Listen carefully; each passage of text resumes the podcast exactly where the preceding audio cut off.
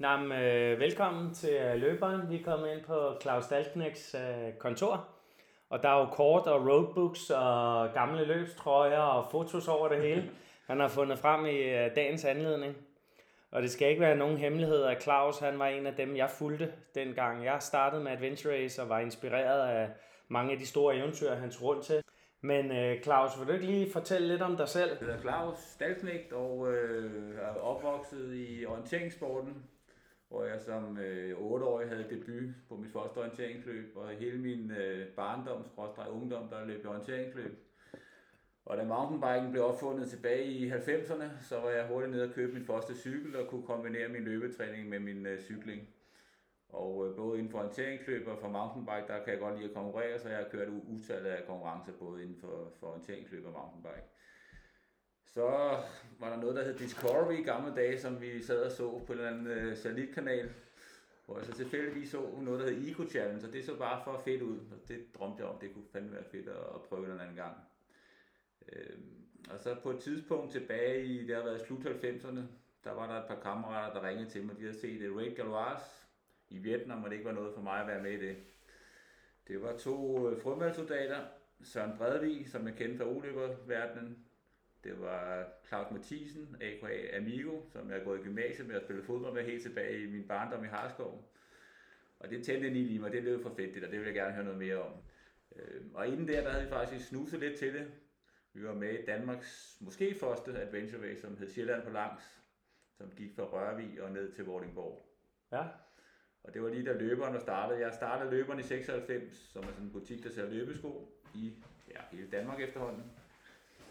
En fed kombi, at jeg kunne arbejde i min butik, og jeg kunne tage rundt og lave adventure race og cykle mountainbike og løbe orienteringsløb og stå på ski og alle de ting, som jeg nyder så meget ude i naturen. Hvad kom først? Øh, din øh, løbebutik eller øh, adventure racen? Det gik lidt hånd i hånd, at øh, jeg tror det første Sjælland på langs, jeg tror det var i 96, og det var samme år, som løberen startede i 96. Ja, fordi løberen har altid været sådan en, en butik, jeg er gået til, når man skulle have alt det her specielle oløberudstyr eller specielle adventure race udstyr. Så har det været her, jeg ligesom har kommet, fordi jeg har vidst, hvad det var for noget udstyr, man skulle bruge med rygsække. De første Salomon øh, løberygsække og sådan noget, den købte jeg i løberen. Fordi du kunne ikke få det andre steder. Så du har ligesom vidst som, som adventure racer, hvad er det for noget udstyr, man ligesom skulle bruge. Så den erfaring, du har fået fra adventure Racing, har du brugt i dit øh, fuldtidsarbejde med at lave en løbebutik? Ja, det er gået meget hånd i hånd. Altså, historien med Salomon, det var, at vi skulle til, til Vietnam. Og så så vi, hvad de franske hold, de, øh, de brugte. Og de, de havde jo Salomon alle sammen. Så jeg tog kontakt til Salomon. Ikke som løberen, men som Claus og øh, snakkede med direktøren der, Lars Dimo, og sagde, at vi havde en drøm om at komme ned og løbe det her Raid Garage, og han var straks med på ideen. Okay. Så han, øh, han fik fremskaffet sådan en Raid Series pakke, hvor vi fik øh, små ski, og vi fik rygsække, og vi fik snesko, og vi fik øh, fuld pakke. Og så stille og roligt, så fik vi også ned ind i løberen. Ja. så kom der den klassiske XA Pro sko, og så stille senere hen, så der så kommer Speedcross og Supercross, og hvad de alle sammen hedder efterhånden.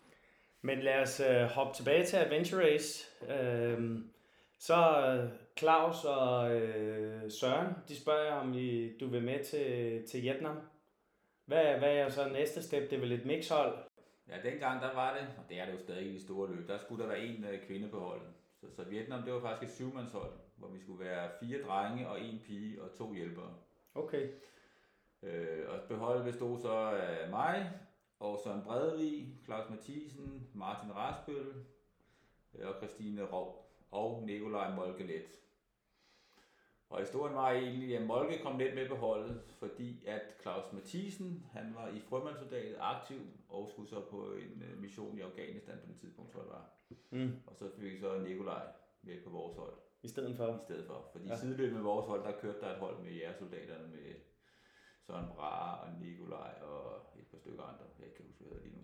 Ja, der er jo ligesom frømandskorpsuddannelsen i Danmark, og så jægerkorpsuddannelsen, og de konkurrerer ligesom altid om, hvem er de bedste. Og de lavede ligesom to adventure race hold, der også ligesom kunne konkurrere i, i adventure race disciplinen for ligesom at se, hvem der er bedst.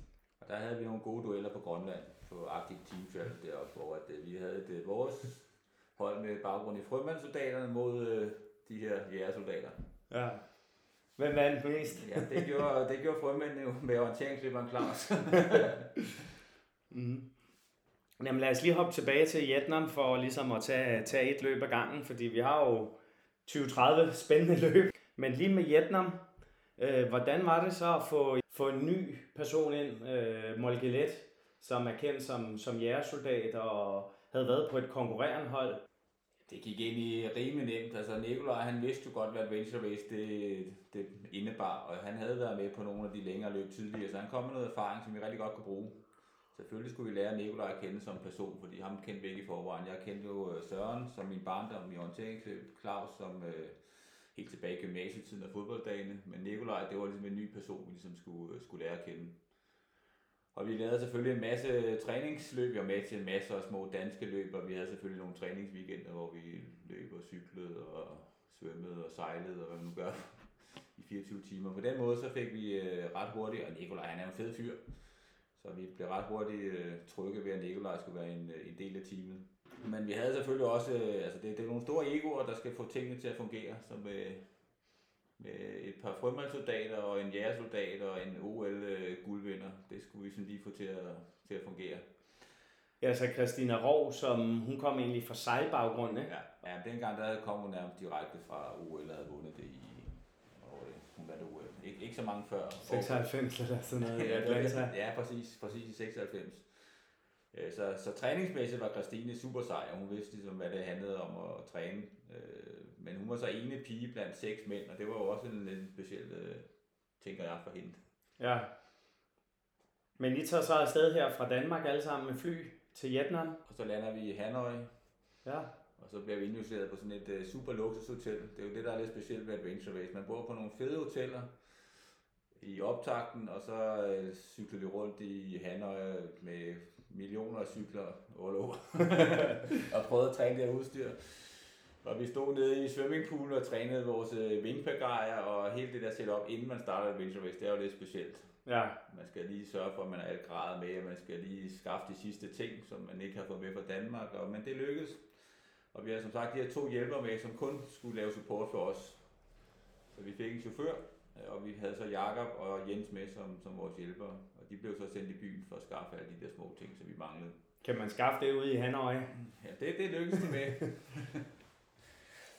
og så blev vi kørt op i det aller nordligste Vietnam på grænsen til Kina, hvor der så var sådan en øh, lejr, og der var de sædvanlige åbningsceremonier med truthorn og lokale øh, folkedansere, og vi var bare klar. Nu, nu havde vi trænet det her i øh, ja, hele og halve år, så nu skulle vi bare afsted. Og vi har selvfølgelig aftalt, at vi var de nye, og vi havde ikke prøvet det før, så vi skulle lægge lidt øh, stille og roligt ud. Mm. Men øh, når startskuddet går, så er det ret svært at lægge stille og roligt ud, så vi øh, gav selvfølgelig gas. Så, men, og vi lå rigtig fint i starten. Øh, navigation i Vietnam var så lidt specielt for mig. Jeg kom som orienteringsløber, og vi havde fået nogle meget, fi- meget fine kort på papiret. Men at få kortet til at stemme i terrænet, det var så en helt anden øh, sag. Men junglen i Vietnam, den kan godt være lidt øh, tæt, Rough. tæt at komme igennem. Så det endte med, at vi kravlede rundt på nogle skrænter og kæmpede os igennem øh, bush og klipper og lort. Men øh, vi, vi kom godt derud af. Og jeg tror, vi er oppe at ligge øh, på øh, tredjepladsen egentlig på en af de første checkpointer. Det var ikke lige det, der var aftalen, men vi kunne jo ligesom ikke rigtig lade være. Så I nogle andre hold også, eller kørte I fuldstændig jeres eget løb? Ja, man Med ser nogle af de andre hold. Er Fedterne med Team Nokia. hed. Petri Forsman. Det- Forsman. Ja, ja. Så jeg kendte en lille smule for orienteringsløb. De, de var stukket af, og de var jo i vores øjne, de var rutinerede, de var ligesom de professionelle dengang. ja. Han er vel den, der har været en legende inden for sporten, kan man sige, især i den generation. Det var en af dem, jeg så op til. For ham, jeg kender fra orienteringsløb. Jeg husker tydeligt, at jeg mødte ham nede på hotellet nede i Vietnam. Der var han fed. Så sagde jeg, fan Petri, du var så fed? Nå, nu skal vi ud på det her lange adventure race. Så Ja. han havde ligesom spist lidt ekstra, for at have noget at stå imod med. For jeg kender ham der, den spikle orienteringsløber. Ja. Det var også noget, jeg lige lærte dengang. Man kan godt lige have lidt ekstra. Ja, det, det, det var et hårdt løb. Der skete det, at Søren, øh, som mange andre adventure racer, han begyndte at få nogle vabler. Og det blev bare værre og værre. Men når man er frømand, så er man jo vant til at tåle en del smerte. ja. Så vi, vi fortsatte. Og Søren begyndte at spise nogle piller, og stille og roligt, så blev det bare værre og værre. Og det ender med, at vi er en af de her checkpoints, hvor der er nogle læger til stede, bliver tilset af nogle læger, og han får så at vide, at han ikke kan, kan fortsætte. Og øh, det står stadig tydeligt, at vi sidder på den her vietnamesiske græsmark og tænker, hvad fanden gør vi? Mm. Søren han kan ikke fortsætte. Vi er fire, tre mand og en pige tilbage. Hvad gør vi? Ja. Og beslutningen var rimelig nem, fordi vi havde trænet så meget, så ligesom også skulle det her eventyr slutte nu. Vi, vi kunne fortsætte, men vi fik selvfølgelig ikke nogen placering i det samlede resultat, men øh, vi ville gerne gennemføre den her rute. Det var Nikolaj og Martin og jeg og Christine rimelig enige om, at det, det eventyr skulle vi ikke bare lade smuldre igennem. Nej. På, selvom vi selvfølgelig også var trætte og presset og savnede noget søvn. og vi fortsætter, og efter Vælger I så at sove eller spise godt, inden I bare fortsætter, eller går der en time, og så er I ude af vagten? Eller hvordan er den her ligesom, proces? For det er jo sådan en klassisk ting, at et hold tager til udlandet, og de skal gennemføre. Det behøver ikke at være en god placering, men de vil bare gennemføre. Så sker der et eller andet, så en må udgå, eller noget udstyr går i stykker, og så vælger de bare at udgå alle sammen. Hvordan overvinder vender de den rundt? Du siger, det er meget enkelt. Ja, men hele den der lægeproces, imens Søren han ligger over lægeteltet, så får vi jo spist en hel masse. Og det er så i dagtimerne, så vi, vi får spist og drukket en masse. Da beslutningen først er truffet, så husker det som, der er det bare fuld. Fuld kadaffe. fuld nu skulle vi fremad. Okay. Og vi er rimelig enige om, at vi skulle ikke gå i slow motion, fordi så ville det blive alt, alt for langsomt. Ja. Så vi, øh, vi går op ad bakke, og vi løber, når det går lige ud og nedad. Altså, jeg er stadig på en måde i race Vi mode. er stadig i race mode, fordi det andet, det finder vi hurtigt ud af, det, det duer ikke, fordi så kommer det til at tage alt for lang tid. Ja. Så løb nedad og lige ud og gå opad. Bliver holddynamikken ender- anderledes, eller hvordan er det så med Molke Let? Hvad kan man sige, en karakter? Ja, men bag facaden, så er Molke jo, han er jo ligesom os andre. Altså, når vi er ude på Ja. i skoven, så er vi jo sådan rimelig ens. Man kan sige, i starten af løbet, der var der måske lidt Søren og Nikolaj, at vi ligesom lige skulle finde ud af, hvem der var holdkaptajnen. Og det var Søren, der var holdkaptajn, men Nikolaj, han havde været holdkaptajn på sit andet hold, så... Så der var lidt, vi skulle bare fremad, og vi skulle ikke være svage. Det var Nej. ligesom øh, Mons, eller mantraet. Øh, og det, det pressede særligt Christine, hun, var, hun, hun, hun, blev presset det der ene pige, som skal sige nej, og vi kendte ikke Christine i forvejen, det var kun lige op til løbet, vi som havde trænet med sammen, så, så vi har ikke noget sådan barndomshistorik øh, med Christine. Nej. Men vi lærte selvfølgelig så godt at kende, hun er super sej. Jeg har kæmpe respekt for Christine, hun ligesom var med på, på det løb og gennemførte det næsten. Ja. I gennemfører simpelthen hele ruten på nær, at I ikke ligesom har alle mand i mål, eller hvordan? Ja, Christine efter en dag eller to efter Søren han blev pillet ud af løbet, så kunne hun ikke se mening med det. Nej. Jeg synes stadig, det er mega sejt, at Søren han udgår, og hun siger, ved du hvad, jeg vil gerne være videre, drenge. Ja. Og så kan hun ligesom se, at nu er vi øh, ude af rankingen, og nu bliver det simpelthen for hårdt. Men øh, Martin og, og Nikolaj og jeg, vi er ret stålfaste på, at den her tur, den skal vi gennemføre. Ja.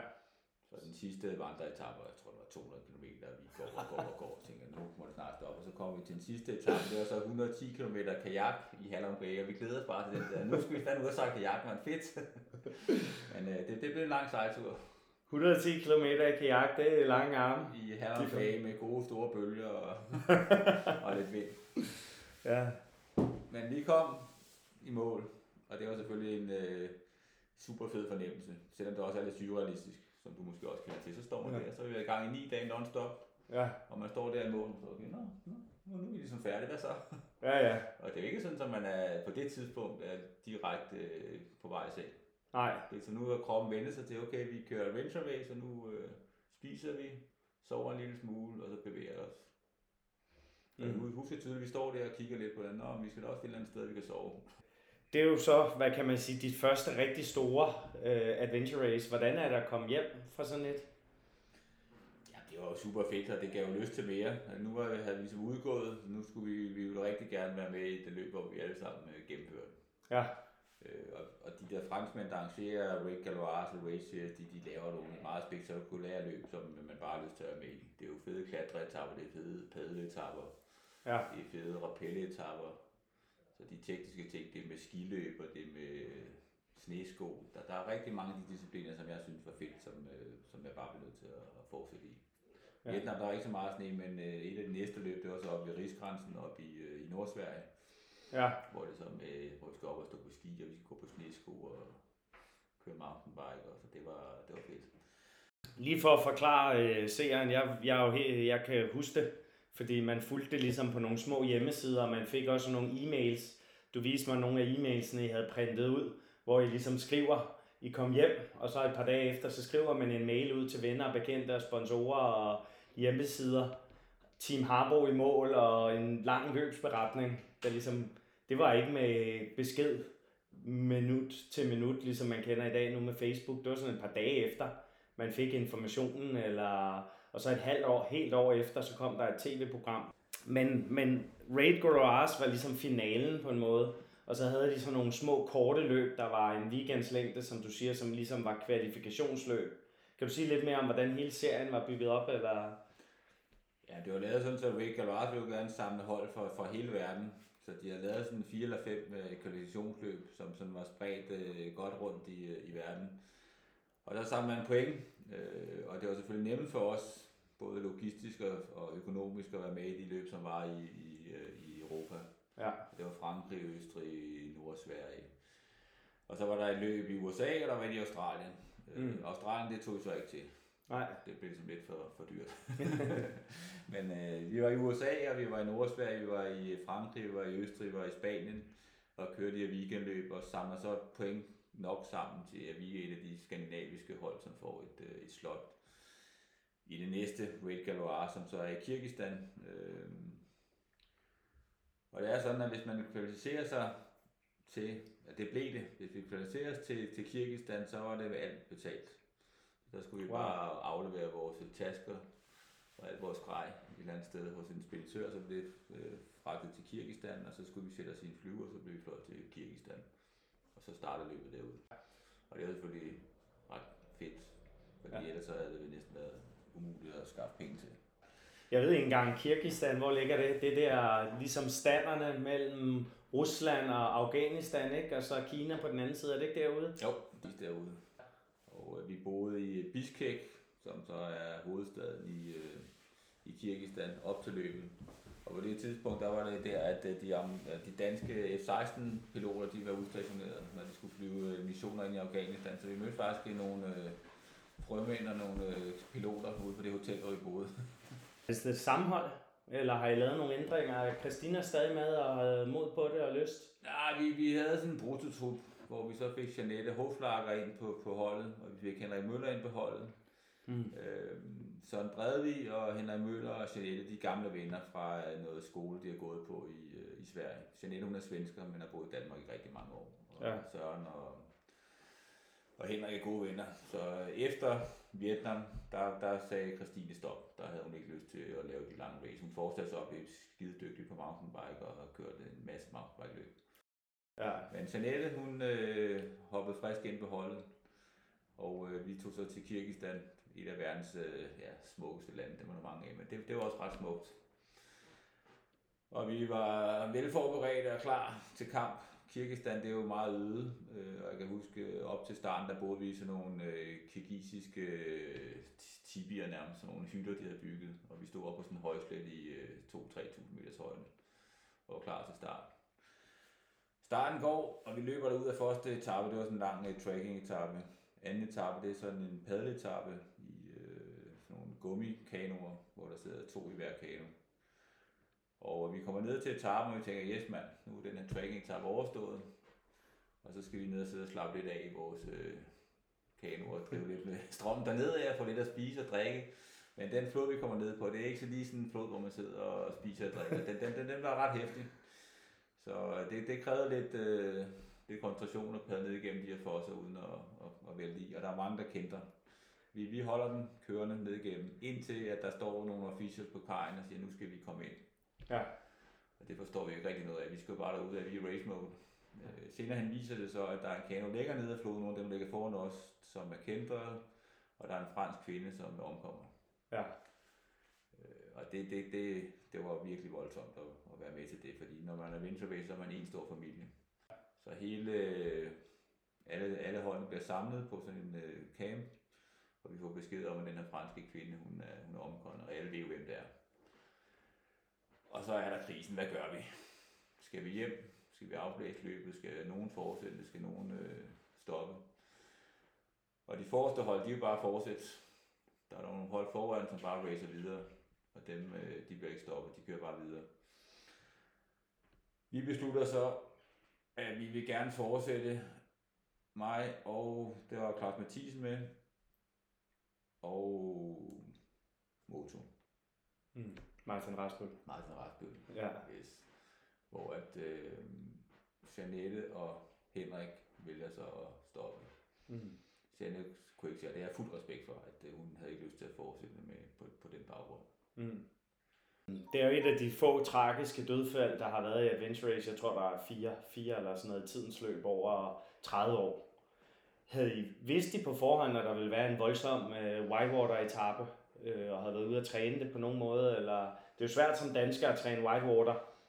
Ja, men historien er, den er min øh, marker fra løberen, Morten Mærsk. Øh, han øh, elsker at padle øh, whitewater. Ja. Så vi, øh, og det har han gjort øh, ja, siden gymnasiet. Så jeg har været med som følge hos, øh, hos Morten mange gange og padlet i Norge, Trysil og hjemme under Møvensfossen. Og så er jeg rimelig godt kørende i, i Whitewater. Ja. Øh, den der etape, der senere hen på ruten, hvor der er beskrevet roadbook, der kom der nogle mere hæftige øh, padleetapper. Det der sker på den flod der, det er åbenbart, at der har været noget ekstraordinært regnvejr i ugen op til. Mm. Sådan, så der er meget mere vand i floden, end at da de har været nede og scout den. Mm. Og det overrasker øh, arrangørerne, men Ja. det Jeg, jeg tror, jeg har læst efterfølgende, der var et større regnskyld, og så var der nogle træer, der ligesom var blevet taget med af floden, og så var der nogle væltede træer ud i Yes. floden, og så var hun ligesom kommet under vand og siddet fast i et træ. Og det er jo noget af det farligste, en strainer eller sådan noget. Der Ikke? lå rigtig mange væltede træer, og det er rigtig Ja. ja. skuffende, når du padler. at Du ligesom, Super. Yes, yes. Ja. Og det var et regnskyld, som ligesom havde ja, taget røven lidt på, på, Ja. på de her folk, der arrangerer løbet, som ellers er super professionelle. Ja. Og det der er lidt vildt, det altså i Kyrgyzstan, der er de franske, de, de får fløjet helikopter derude, de her firehjulstrækker, så vi kunne se den der helikopter, den svævede hen over floden, og den landede, Ja. og fik øh, så hende pigen trukket fri. Men når du, du, du bliver trukket ind under sådan en fos, så er du bare fucked. Det er Ja. ikke sådan lige, det er jo kæmpe kræfter, der ligesom presser, Ja. så hun druknede. Ja. Men altså, vi fortsætter ud i Kirgistan, og Claus øh, Mathisen, der han får så tyndski, og vi ligger landet til checkpoint, og han, øh, ja, han kaster op, og han har dårlig mave, og, og så er det også, vi trækker stikket. Ja. Og det, altså, det kan man så altid ære også over lidt her. Bagefter man ikke bare fortsætte, men der var en kvinde, der var død, og Claus han havde ikke, var, havde ikke kræfter til at fortsætte. tidspunkt. Hvis vi havde været i race, så havde vi nok øh, fået noget at æde, og så bare kommet videre, fordi kroppen den blev altid god igen på det tidspunkt. Ja. Så vi, vi, vi bryder løbet og tager hjem til hotellet, hvor, at, øh, hvor Henrik og, og Jeanette så er, og så har vi nogle sådan lidt specielle dage i Biskæk, hvor der ikke er så meget andet at lave.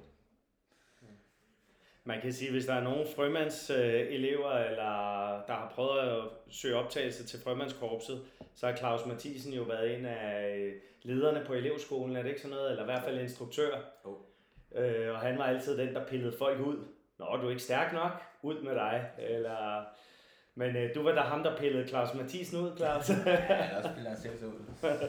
Jeg kunne godt tænke mig, nu kommer du også med sådan en, øh, en O-løbsbaggrund. Det kan også være, at der er nogle andre løb, der er mere interessante, ligesom at snakke om det her med, at man kommer fra Danmark, hvor kortene ligesom stemmer. Og du har jo løbet meget O-løb, hvor man tegner kortene lige op til løbet, og gamle eller korttegner ud og gør kortene helt præcise og sådan noget. Hvordan er den her transition fra at komme fra 1 til 10.000, 1 til 25.000, øh, til 1 til 50, 1 til 100.000? som der er til de her lange adventure races. Ja, det, var, det, var, det lærte jeg i Vietnam, øh, og der kan man sige, der var Nikolaj Molke, der var han min lærermester, fordi der sagde han klart, det, det handler ikke kun om kortet, det handler også om din tracker nose. Ja. Så man skal ligesom kunne, kunne snuse. Hvis jeg er gået her og planlagt den her rute, hvor er det så, jeg ligesom vil finde vej igennem terrænet? Så jeg gik med min kort og påstod, og sagde til Nikolaj, vi skal den her vej, for det kan jeg se på kortet. Så sagde, nej, nej, klart, prøv lige at, at snuse dig frem til, hvor er det, vi skal, vi skal gå hen. Og det har jeg taget med mig, og det har jeg brugt i rigtig, rigtig mange races efterfølgende. Samtidig med den her roadbook, altså jeg var jo bare vant til at bruge kortet, men til alle de her løb, der var også beskrevet i roadbooken, hvordan ruten den går.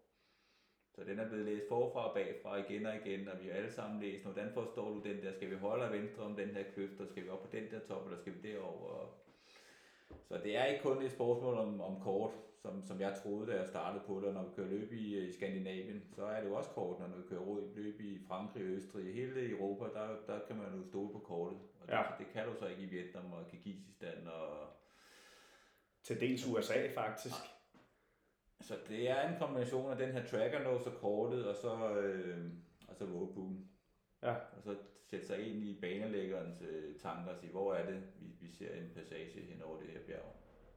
Ja, man skal egentlig tilbage og tænke på, da han var ude og rekognosere løbet, hvad tænkte han, hvor var det sjovt at gå, og hvor er det spændende at gå, Og hvor kan man gå? og hvor kan man gå?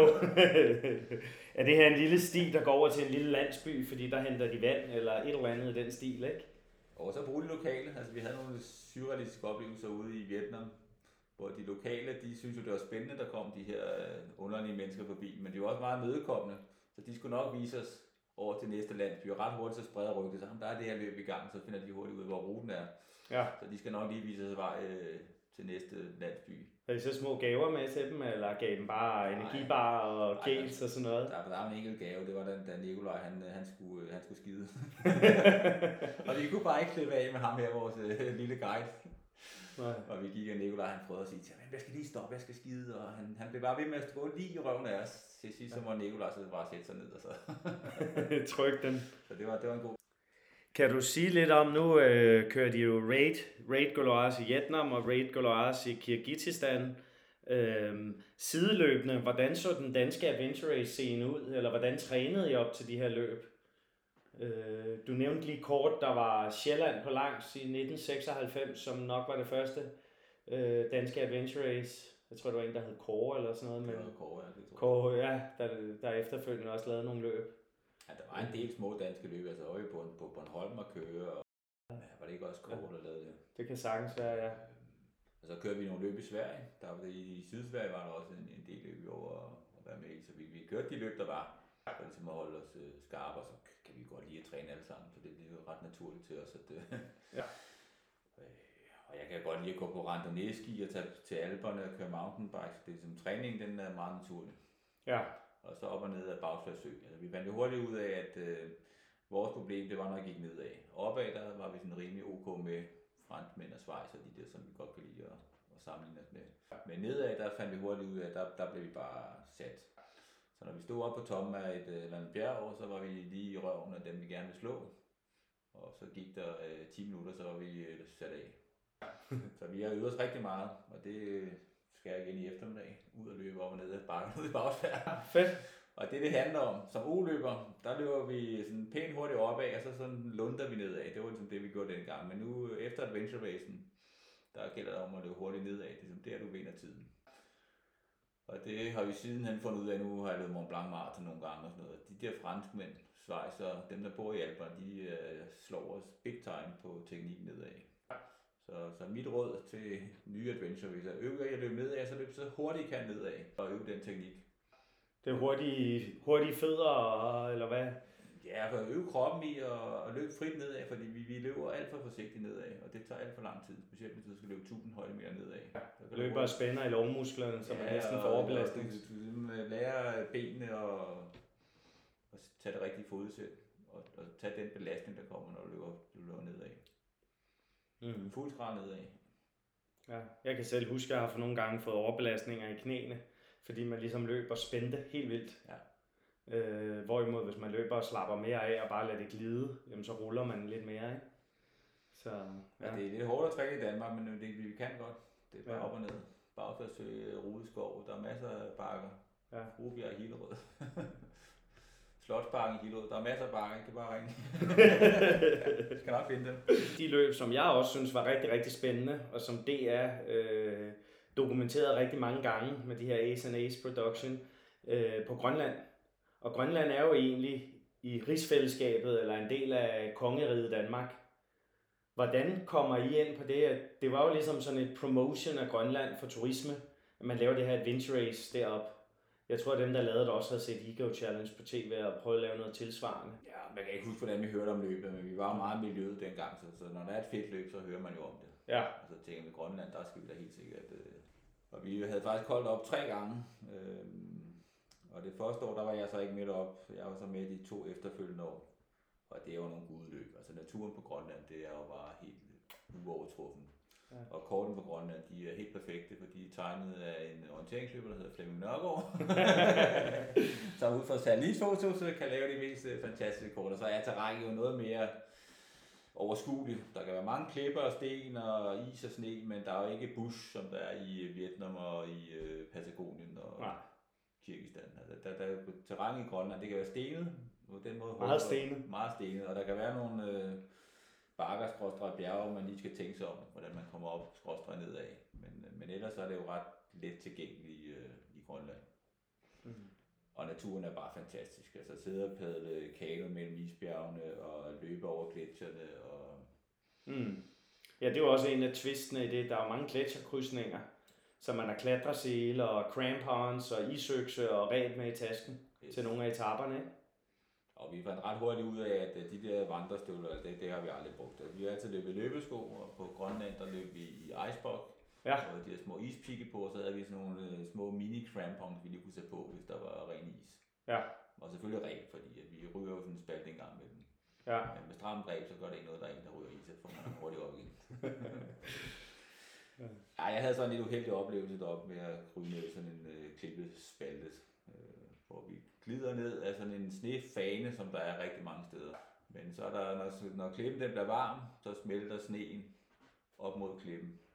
Og så mine tre gode holdkammerater, de har lavet sådan en rigtig fed rusjebane. Jeg kommer så som sidste mand, og kan så ikke lige undvige det her hul, og så ryger jeg så ned i, øh, under, under sneen der. Og det, det er nok en af de værste oplevelser, jeg har haft i Adventure Race, hvor jeg så ryger ned i et eller andet mørkt øh, hul øh, under noget is. Øh, og på en eller anden mirakuløs måde, så får jeg så kravlet op igen. Men får så den vildeste rystetur, og kan se de andre, de står langt nede af bjerget og råber, hvad fanden laver du, Klaas? Kom nu, mand, vi skal videre. Men jeg kommer op der og får rystet af mig og kommer videre. Jeg kan huske episoden, fordi det er jo sådan, så det her løb bliver dækket af DR. Og der er nogle, jeg tror det er Lars Bum, der har lavet et eller andet hold. Ja, og, og de klarer sig egentlig ikke specielt godt. Det er det her med egoerne. De, de, de formår slet ikke at arbejde sammen på nogen tænkelig måde på det her hold. Men det, man følger også mange af de andre hold. Og jeg kan huske, at jeg skulle fortælle min mor, nu kunne jeg godt tænke mig at prøve at lave det her Adventure Race. Og så, så var det jo på DR, så skulle vi jo se det her program. Og vi sad jo og fulgte nysgerrigt, og hun kunne godt forstå, hvorfor det var spændende og sådan noget. Lige indtil der kommer den her episode, hvor du bare suser ned ad bjerget og ryger ned under, og så, så kigger hun sådan lidt på mig. Okay, Jamen, der må du træne godt, hvis du skal ud i sådan noget der, ikke lave sig. Men det er jo det der med, at, sneen er smeltet under snefanen, og det er meget hurtigt at løbe på sne, og lettere for knæene, end at løbe på klipper nedad, ikke? Så man tager de her snefaner for at slå genvej, ikke? Jo, men du løber altid nedad på ski. Det, det er meget, meget hurtigt, og der, der så er sådan et hul der. Fordi vi glider på røven på vores øh, plastikposer, eller bare på vores de der øh, Newline bukser, som vi havde dengang. Ja. og det går super hurtigt. Ja, man kan også falde på cykel, altså det, Ja, ja, det er, ja. hvad der sker. Øhm, Det er kun det, når der lige står to eller tre holdkammerater der og råber og skriger, og man lige skal ryste den der. Altså, den, den, den, kan jeg godt stadig huske, den var lidt hård lige, og nu skal jeg fandme lige tage mig sammen. Hvem var du afsted? Det var, der var der jo egentlig ikke et krav om, at det var et mixhold, vel? Nej, Nej. det, det, det, var, det var et herrehold. Og etaperne var lavet sådan, at øh, der var nogle gange, hvor at der er en af dem, der kunne gå en kortere vej. Okay. Gravgaard, Claus Gravgaard, Søren Bredevig, mig og var det Amigo eller Moto, det kan jeg ikke huske. Nej. Så jeg prøvede det i 2006, det var et af de sidste, så det, det kan være, at jeg ændrede det konceptet mange gange. Øh, der skulle vi alle sammen følges. Men, øh, men kan du sige lidt mere om, om Grønland der? Du kommer ind som, som O-løber, og øh, de andre, øh, ligesom øh, frømands baggrund, og Gravgaard, han ikke også sejler? Jo, han er sejler. Han er også sejler. Øh, hvordan er jeres holddynamik ligesom på det hold? Du skal orientere, eller er I flere om at orientere, eller... 90% af tiden, der, der har jeg kortet. Øh, De andre, de lærer det jo så lidt hen ad vejen, og der er noget orientering, den er jo simpel. Hvis man går rundt om en sø, så er det ikke nødvendigvis mig, der skal gå med kortet. Nej. Så det er ligesom der, det er vigtigt, at jeg får mine øh, pauser og får noget at drikke og noget at spise. Fordi ellers er man meget fokuseret på kortet, og det er jo vigtigt, fordi at det er jo så dumt at lave en fejl. De kan jo blive rigtig dyre på de der adventure race. Når du løber et orienteringsløb, så kan du bomme, som vi kalder det, når vi løber forkert i 5 minutter. Det kan være rigtig dumt, når man øh, løber en time. Men hernede, hvis man tager et, øh, et forkert vejvalg og går op i en slugt, hvor du ikke kan komme op, så, så er det jo timer, vi snakker om. Mm. Så det det gælder virkelig om at være skarp på kortet. Og det har jeg rigtig fint med. Øh, og jeg, jeg blev sjældent sådan træt. Altså, det var sjældent, jeg sådan havde brug for at sove mere end de andre. Jeg tror simpelthen, det var, fordi min hjerne den blev aktiveret. Det ved ikke, om du har... Jo, det er meget, meget det samme. Jeg tror næsten nogle gange, hvis man ikke orienterer, så kan man blive træt, så får man lov at kigge på kortet lidt. Ikke fordi man skal orientere, men bare man lige får tænkt på et eller andet, eller sådan noget af den stil. Ikke? Jeg synes egentlig hele tiden, jeg har været sådan ok klar i hjernen. Jeg har ikke gået de der perioder, hvor jeg ligesom har gået og været fuldstændig i balleret. Det er jo nok, fordi hjernen bliver aktiveret. Når du ja. bare går bag ved ham med kortet, så kan du lidt, lidt mere falde sådan ind, og kæft bare det hårdt, og nu gider jeg ikke mere. Og, ja. og der er min teori, at når du har kortet, jamen, så har andre ting at tænke på. Hvad bidrager de andre med så på, på holdet?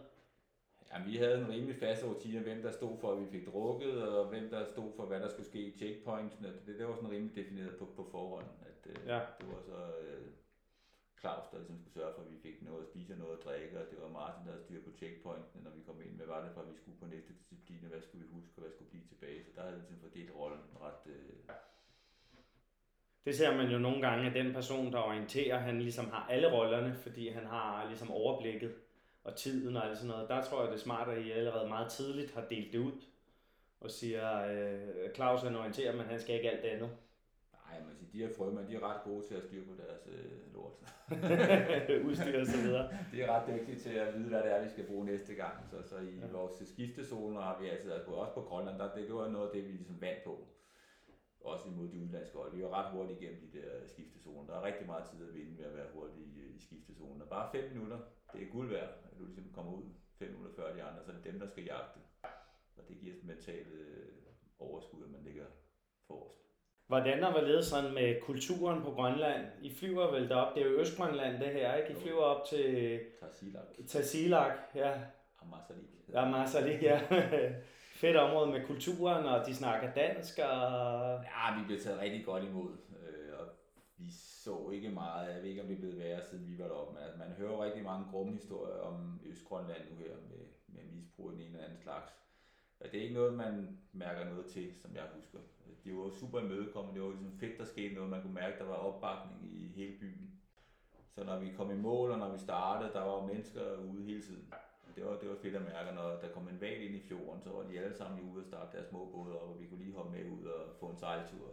Der var, det, det, det var en fed opbakning. Hvad der så sker bagom kulisserne, kulisserne, det er jo ikke noget, man tænker rigtig over, når man er, det, det er jo mere, når man kommer hjem, man tænker, at vide, hvad der ja. foregår, når vi ikke er der. Det, det, det, det, det var en super fed løber. Det var jo to danskere, øh, Anders Stenbakken og ja. Hans Christian. Hans Christian, yes, som er leder op, øh, som, som, som stod for løbet. Og grønlænderne, de bakkede op, at der var, når vi sejlede øh, kano kajak, så havde vi altid en følgebød med ud, og det var nogle grønlænder, som ligesom skulle sørge for, at øh, vi blev samlet op, hvis vi røg i. Med mindre der var en sæl, så tog de lige en detur, så kom de tilbage med en sæl. Oh, det gjorde det, de med os på et tidspunkt. det har jeg tænkt lidt over. Altså, vi sagde jo bare padde i vores øh, korte tights og vores singlet. Altså, der var ikke noget med våddragt. Det, det, Nej, okay, det havde vi. Yes. Det var obligatorisk. Nej, efterfølgende til, okay, hvis den der kaner, den var kendret, hvordan er det ham der, grønlænderen, han hiver tre voksne mænd op i sin jolle. Det er ligesom en død sal. I, i, i 0 grader eller 1 grad varmt vand. Ja. Men vi kæmpede ikke, så det skal man måske lade at tænke mere over. ja. Jamen, spænd, I ender med at vinde løbet to gange. At, ja. at strategien er bare hurtige skiftezoner, godt tempo, god navigation, eller... Ja, det, det var jo nogle øh, etabeløb deroppe, kan man sige. At det, det var typisk, øh, vi kørte øh, tre etaper, som jeg husker, og så den sidste, mm. det var sådan en lang en. Ja. Øh, så man får hvilet, så man får sovet, og man får spist, og det er selvfølgelig vigtigt, at man er dygtig til at få, øh, få noget ind, når man får, får sovet og hvilet. Ja. Og så var strategien, det var, det var fuld gas øh, ja. ud af starthullerne. Øh, og så var der Saab Salomon, som var et af de helt store udenlandske hold. Ja, det engelske. Ja. Dem, som vi så op til, når vi var ude og køre de store løb. Øh, og dem banker vi, det er vi selvfølgelig super stolte af. Nogle af de største stjerner på det tidspunkt. Det skal så lige siges i den historie, de har også deres kvinde med på holdet. Så vi, vi kører tre mænd, og de kører så to drenge og en pige. Hun var super sej. Øh, Nicole eller? Ja, hvad hed hun? Vi havde faktisk med på vores hold sidenhen et regular i, øh, som kører ned i Frankrig hvor det så er Claus Mathisen og Moto og måske Søren, hvor vi så er hende med på holdet som vores pige, hvor jeg så ikke er med, hun var, altså, hun var Fenomenal. Outstanding. hun er vel en af top, top, top løberne på det tidspunkt. Det var hun på det tidspunkt. Det var en, ja. man gerne ville have med på sit hold, og hun så ligesom med køre sammen med os. Det er jo fedt, men det er jo fordi, vi har været på Grønland med hende, og hun får et godt indtryk også som, som hold. Og så er det jo meget sådan, at danskere og englænder, de har det typisk øh, fint sammen. Ikke? Jo. Vi kan godt finde ud af at hjælpe hinanden, og vi har den samme mærkelige humor. Ja. vi må da håbe på et eller andet tidspunkt, der kommer et adventure race på Grønland igen. Så trækker vi det ud af retirement måske. Ja, men ellers så kan jeg anbefale det Arctic Circle Race, som er skiløbet op. Det er jo også en kæmpe oplevelse. Præcis, det har du også kørt. Hvis man ikke er til adventure race, så er det der langrendsløb, det er, ja, hvor du bor ude i en øh, camp. Ikke på indlands is, men ude i sneen. Og så kører man de her tre etaper på de her 15, 20, 30 km. Jeg tror, det er, hvad er det, 56 i alt, så det er sådan øh, 15-20 km om dagen. Ja. Og bor i telt og Wow. wow. camp sammen med de andre hold. Mm.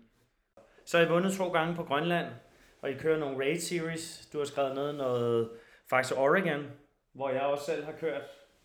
Er det, øh, du har skrevet noget Riksgrænsen og Tyskland, Østrig, Andorra, Skotland, Tia i Konita.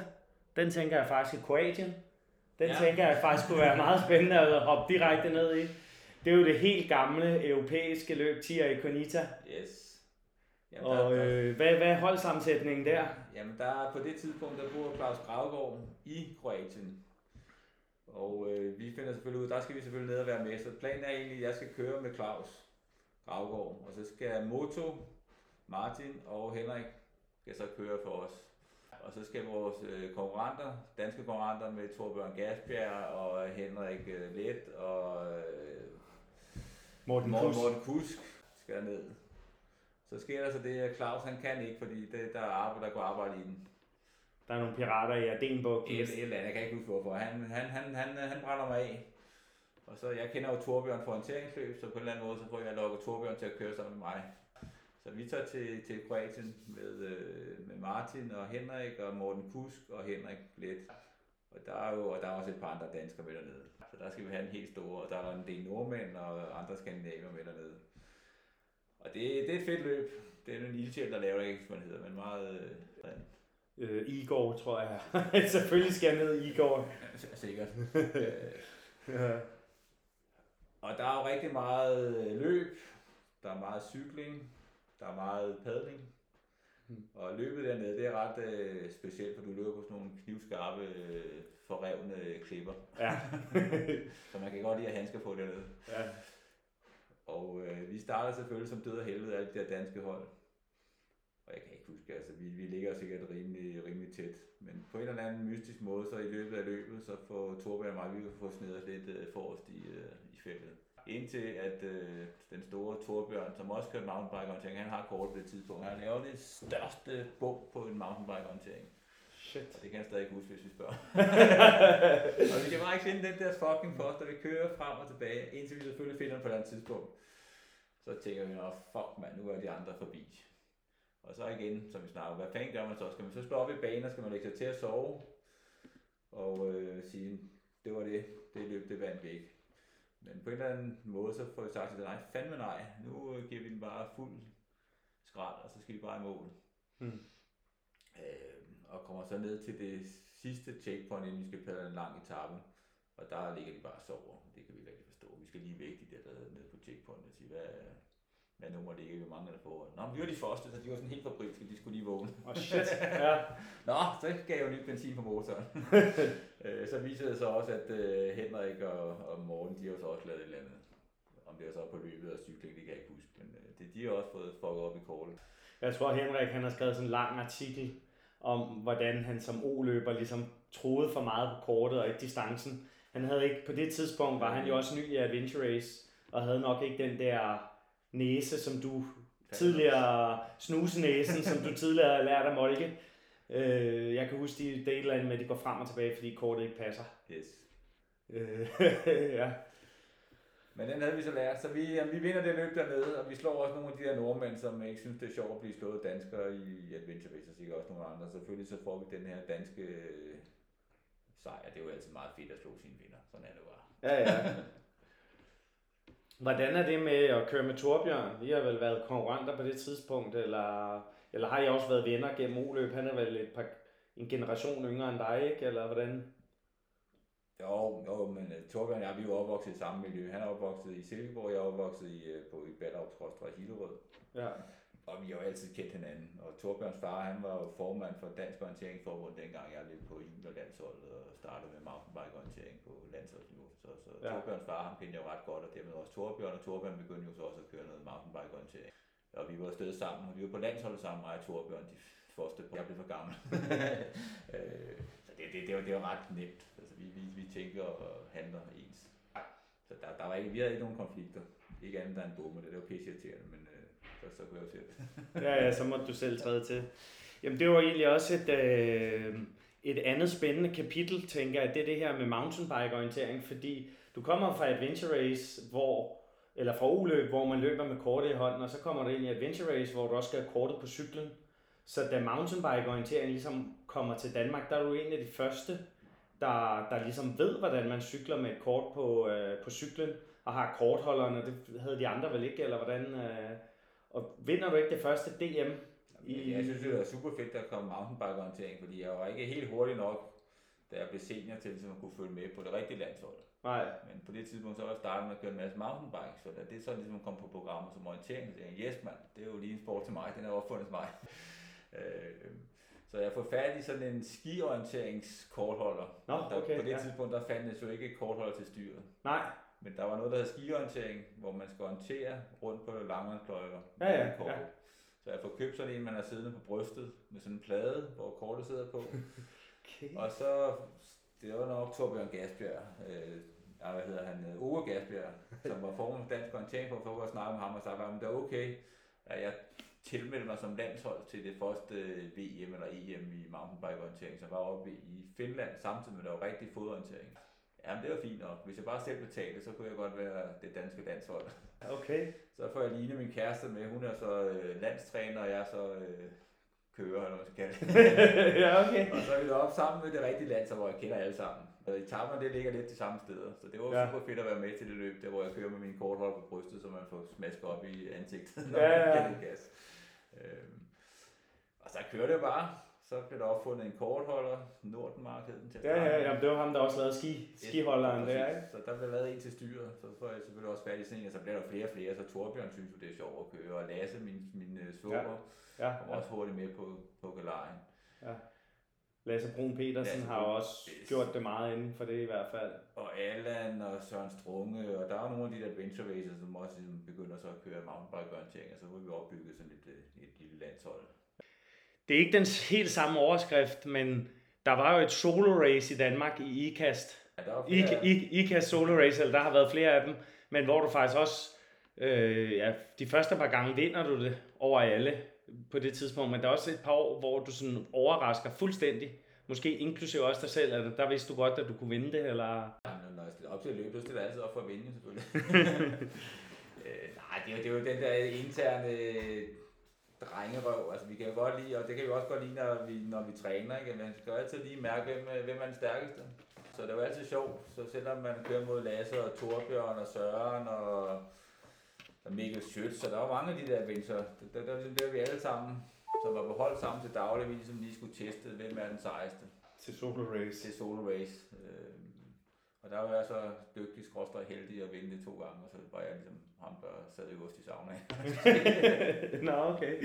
Så fik man øverste hylde der. og det var nogle fede løb. Det var øh, IKAST øh, efter højskolen med Henrik Møller, som ligesom arrangerede løbene.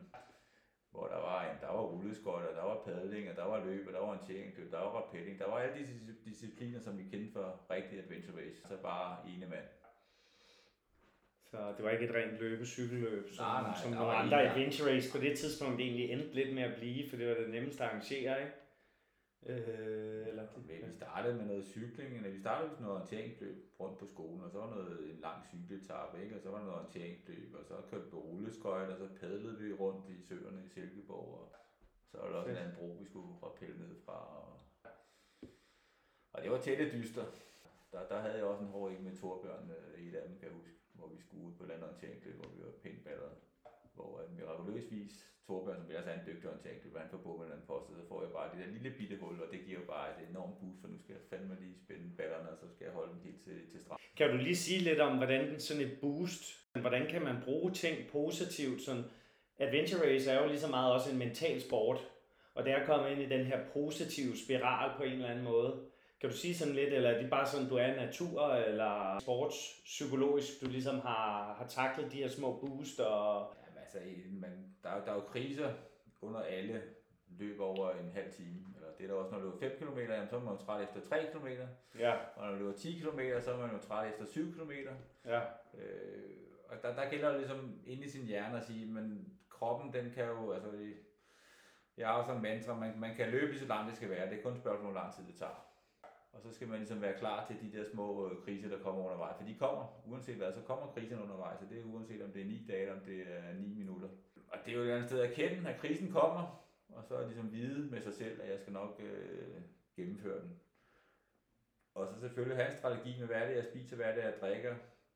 Fordi det er jo øh, det vigtigste næsten, det er jo, at du får noget energi ind. Øh. Og jeg fandt ret hurtigt ud af, hvad er det, jeg kan lide at spise og drikke. Det er vigtigt, at man gør op med sig selv, fordi vi har jo masser af geler, vi har masser af salttabletter, vi har øh, powerbar, vi har marcipanbrød, bliver jeg meget glad for. det er en lille, hemmelig trick. ja, marcipanbrød. Marcipanbrød og flæskesvær og Faxe Kondi. Så, så kører den. Så De har været med ude i Kirgisistan, eller hvad? Matador-mix, ja. små øh, salte pølser. Noget, man ligesom øh, har det godt med, med sig selv. Og det, det er jo individuelt. Fordi man kan ikke kun leve af, af geler øh, og, og, og powerbar. Det går man simpelthen død i, det gør jeg. Ja. Så, så lav en strategi med, hvad der skal spises, hvad der skal drikkes. Og så pas på maven. Fordi hvis maven først går i, i kluder, så er det, man har problemet. Den skal nok komme i gang igen, men det kan jo tage hele og halve dage, før man ligesom får det der overskud til at gide og spise og drikke igen.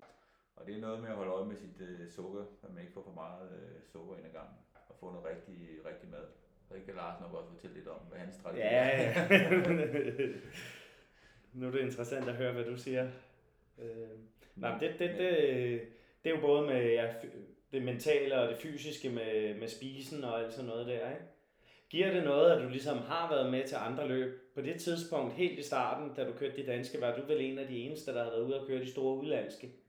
Var det ligesom sådan en mental overtag i forhold til, til, øh, til Torbjørn og dem, der bare havde kørt lidt rundt i Danmark, eller det tænkte du ikke over? Det, det tænker jeg ikke så meget over. Altså, man er Nej. meget fokuseret på sin egen præstation. Ja, Når det, når det, når det er sololøb. ja, Altså ude i Vietnam, der lærte vi på den hårde måde det der med at gennemføre som et hold. Fordi vi var ikke, altså vi havde nogle aftaler inden vi, vi startede løbet, men øh, da startskuddet gik, jamen, så var vi i vores eget race mode. Altså der skulle vi bare fremad. Ja. Og der glemte det, det der med, at vi er et hold, der skal hjælpe hinanden. Der var det fem individualister på en Yes, måde. Ja. Ja, Det, det, det, er sådan, det føltes bagefter, at vi ligesom ikke var dygtige nok til ligesom at passe på hinanden, fordi at mm. Søren går ned med sine fødder, og vi får smadret Christine efter en halv dag. Og det, det, er, jo Mm. ikke, det er jo ikke klog øh, race-strategi. nej, Når vi skal være afsted i ni dage, vi så allerede efter et døgn er i krise. nej. Så det, det, det, det, det, det er værd at tage med sig, det der med, at man øh, virkelig skal passe på hinanden. Og det, problemet det er, at vi alle sammen, det er meget nemmere at være ham, som hjælper, end at være ham, som modtager hjælp. Ja. Og det kæmper jeg måske stadig med det der med, at det er meget nemmere at være ham, der siger, hey, skal jeg ikke komme og bære din rygsæk? Skal jeg ikke lige trække dig på cyklen? Eller være ham, der siger, hey, jeg har brug for, at du, du giver mig et, øh, et skub i ryggen. Ja. Og det, er, det, det tror jeg, det er nøglen i Adventure Race. Det er det, man lærer at kende, at der er tidspunkter, hvor det er okay, at man, øh, man modtager hjælp, og man ikke altid kan være den stærkeste. Har du haft nogle kriser, hvor du skulle have hjælp fra holdet, og at du ikke skulle løbe uden rygsæk og sådan noget? Eller? Jamen, jeg, jeg har haft nogle kriser, hvor jeg skulle spille for sig. Jeg skulle nok lige trække pigerne op i bjergene, jeg skulle nok lige bære rygsækken, og så sidenhen, så er det mig selv, der øh, er helt i, i hegn. Og det kommer man også over, men man skal helst ikke derud, hvor man sænker holdet, fordi man øh, bruger for mange kræfter.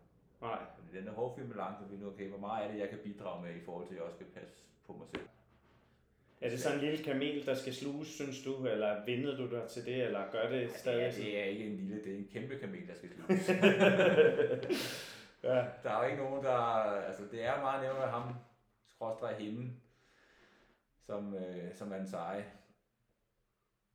Jo, jeg kan huske et løb ude i Abu Dhabi, ja, men det var faktisk lige, jeg skulle lige kigge på det. Ude i, ørkenen der, hvor vi Ja. ja. en finsk pige med.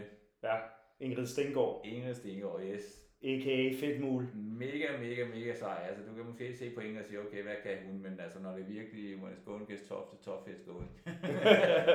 og det er Ingrid. Ja, det er Ingrid. Vi går rundt ned i Hun er den der finske skole med Team Nokia. Jeg tror, hun var inde over at køre med Petri også lidt, hvis nok, og MTBO kom hun fra, ikke? Og Ja, vi møder hende i MTV, og så Ja. ja. ender det med, at vi kører på hold med hende øh, nede i Abu Dhabi. Spændende løb også. Mega spændende løb. Det, det ja, det er specielt. Men øh, Ja. man skal op og ned rigtig mange gange. Bjergene er ikke så høje, fordi det er sådan nogle standbunker, men til gengæld skal du op og ned rigtig mange gange, så det, ender med at blive mange højde. Øh, og der, der, der er krise nede, og så, så de der stave, man, det var noget pis. Der er Ja. nogen, der gider bruge stave, det var bare spild. Men Ingrid, hun var meget fokuseret på, at hun skulle have sin stave. Og jeg får så lov at låne de der stave på et tidspunkt, og det var guld værd. Det giver lige pludselig sådan en boost. Mm.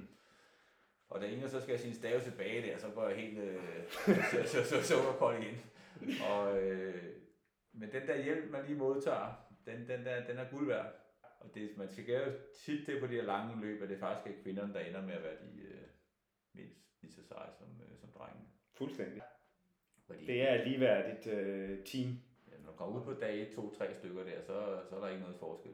Nej. Kun hvordan man tisser. Ja. Så kan du sige lidt mere om Abu Dhabi, fordi det er jo også, øh, det var jo lidt unikt løb i og med, at det var i ørken. Og det var en af de her oliesjejker, der også havde set det på Ego Challenge eller sådan noget, og så tænkte, det skal vi have hernede. Og så betalte han bare det her franske firma, der havde lavet Raid Garage for at lave et løb til ham. ja. Øh, kan du sige lidt om sådan, hvem var I afsted, og hvad var setup'et, og jeg, havde, jeg kom til at tænke på det, fordi der var en kamel med os og sådan noget der. Ja. Jamen, det var vores franske venner der, fra Red Galois, som arrangerede det, ikke? Og så ved ikke, om vi blev inviteret med dernede, er vi sikkert. Og så, Ja. selvfølgelig skal jeg med i det, det lød fedt. Adventure Race et andet sted, Ja. der jeg komme afsted. Øhm, og så er det bare en meget speciel natur, fordi det er jo ørken. Øh, Der blev sejlet en rigtig masse kajak, og det var nogle lange etaper, kan jeg huske. Mm. Og der blev løbet rigtig meget i sandet, og det er rigtig varmt, så der, der var den der strategi med at få, få vand nok, og få, vi fik lavet sådan noget specielt øh, hvidt tøj, fordi jeg troede, det var skide smart at kun have hvidt tøj på. Nå, det var det vel også. Jeg kan huske, at jeg selv har lånt de bukser til et øh, løb på et tidspunkt. jeg ved ikke, hvor meget det betyder, men vi, hvis, du, hvis du tror på, at det virker, så virker det. Men det gør det. Jeg har jo selv øh, læst idræt sammen med Lars Nybo, og der har hjulpet de her tre atleter på Hawaii og sådan noget, ikke? og det har stor betydning, om det er sort eller det er hvidt. Øh, hvor meget det ligesom opsuger varmen. Ja, Ja. ja. Men det er jo ligesom Adventure Race på første klasse, kan man sige. Man bliver indlogeret på et eller andet meget fancy hotel, og så de her checkpoint, dem husker jeg stadig. Man kommer ind til de her checkpoint, hvor normalt der skriver du din lille primus frem, hvis du vil have noget varm mad at spise. Ja. Her der var den ondeste buffet stillet op med sådan nogle øh, sølvboller, hvor man lige kunne løfte. Så var der kylling, og så var der pølser, og så var der sikkert salater, pomfrit og skåret ananas. Og, og så var der også lige sådan en massagetelt, man lige kunne gå ind. Så var der sådan nogle øh, sikkert thailandske piger, som lige fik lov at sige, at de havde lyst øh, ryggen lidt op. Og så kunne man ellers fortsætte igen på næste etape. Ja. Ceremoni og lukkeceremonier, de gik jo også helt op i øh, det mest fancy lys, og de sikkert de lokale stjerner, der skulle ned og oliesejler med hårbånd, og det ikke. Det er, din, det, det er jo en anden kultur. Det er en helt anden kultur. Det, det, er jo, det er jo det, der er lidt af specielt ved den kultur der i, i Mellemøsten. Øh, det er jo ikke øh, arabiske halvøer, de har så mange penge, så de køber bare, hvad der skal til på en eller anden måde. Ikke? Køber det, de skal pege på. Jeg kan huske, at flyselskabet kunne ikke øh, ligesom få så mange cykler derned. Det var da Qatar Airlines startede op, tror jeg, eller sådan noget, så de kunne ikke have alle de der cykler med. Så købte løbslederen bare fem container cykler, og så fik man bare udleveret en cykel.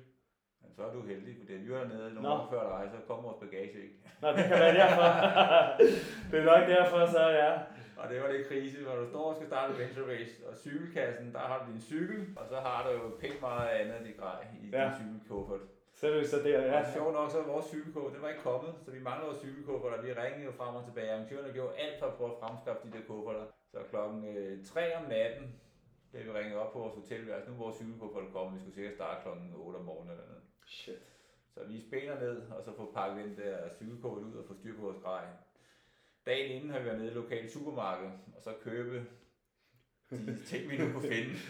lidt mad og lidt tennissokker, og hvad er det, vi mangler en masse ting. Tennisstokker.